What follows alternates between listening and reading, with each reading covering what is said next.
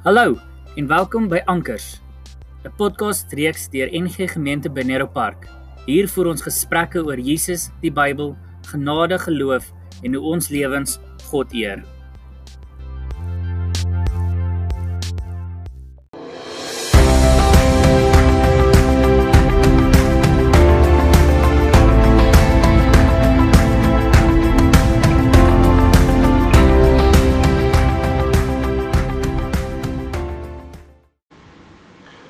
Goeiemôre. Dit is amper naweek, die 11de Desember 2020. Ons het daarom volgende week 'n vakansiedag. Ek dink is hier by Woensdag as ek reg onthou. Ek hoop jy almal het sommer 'n baie baie lekker dag vandag en dit moet almal goed gaan. Ek het nou die dag die mooi storie gelees van 'n dogtertjie wat die volgende gesê het. Sy het of kom ek vertel eers haar geskiedenis. Dis 'n dogtertjie wat tydens die Tweede Wêreldoorlog hier tussen 1939 en 45 oor die muur van die Joodse ghetto in Warskou gevlug het en in 'n grot gaan wegkruip het. Sy is toe daar dood voor die geallieerde Warskou ontset het en voor haar dood het sy iets op die muur van die grot uitgekrap. En dit was 'n jong dogtertjie en sy het daar geskryf: Ek glo in die son al skyn dit nie vandag nie. Ek glo in die liefde al sien ek dit nie. Ek glo in God ook nou dat ek sy stem nie kan hoor nie. Dit het hierdie Poolse dogtertjie geskryf. Iemand anders het gesê een mandjie hoop hou langer as 'n hele skuur vol graan. Ek wil vir oggend sommer net een of twee goed oor hoop sê. Baie mense het hoop nodig. Ek dink sommer aan Christa van der Merwe wat in ons gemeente is wat die afgelope 4 jaar of so verskriklik sukkel met Parkinsons en wat erger geword het tot so mate dat sy um omtrent 'n voltydse persoon het wat na omsien haar caregiver um 'n pragtige mens wat ek by haar man hoor om haar te help versorg. Sy sukkel om te sluk.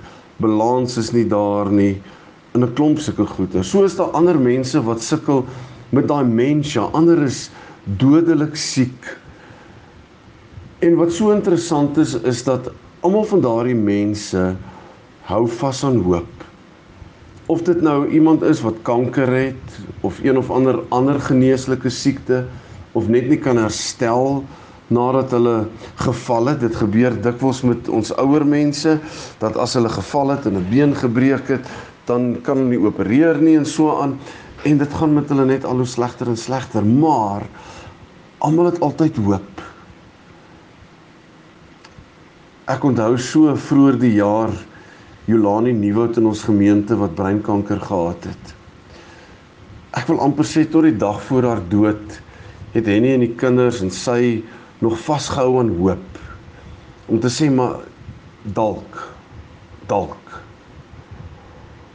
En ek dink hoop is iets wat die Here vir ons gegee het.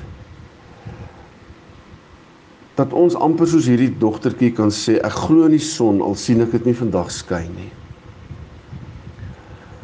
En dis 'n belangrike ding.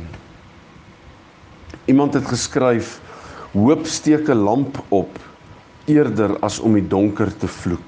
Ons kan kwaad wees vir die donker goed in ons lewens. Ons kan kwaad word vir die onregverdigheid van die lewe.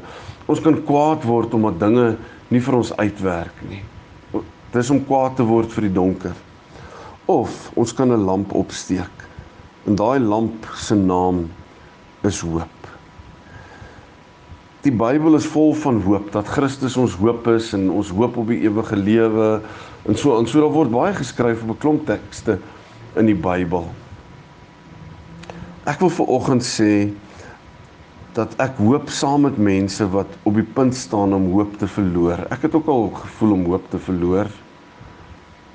En dan het ek Anneke langs my wat my hoop weer optel. Of ander mense in ons selgroep wat ook in moeilike tye vir ons gedra het. Ek dink mense kan vir mense die mooiste teksies gee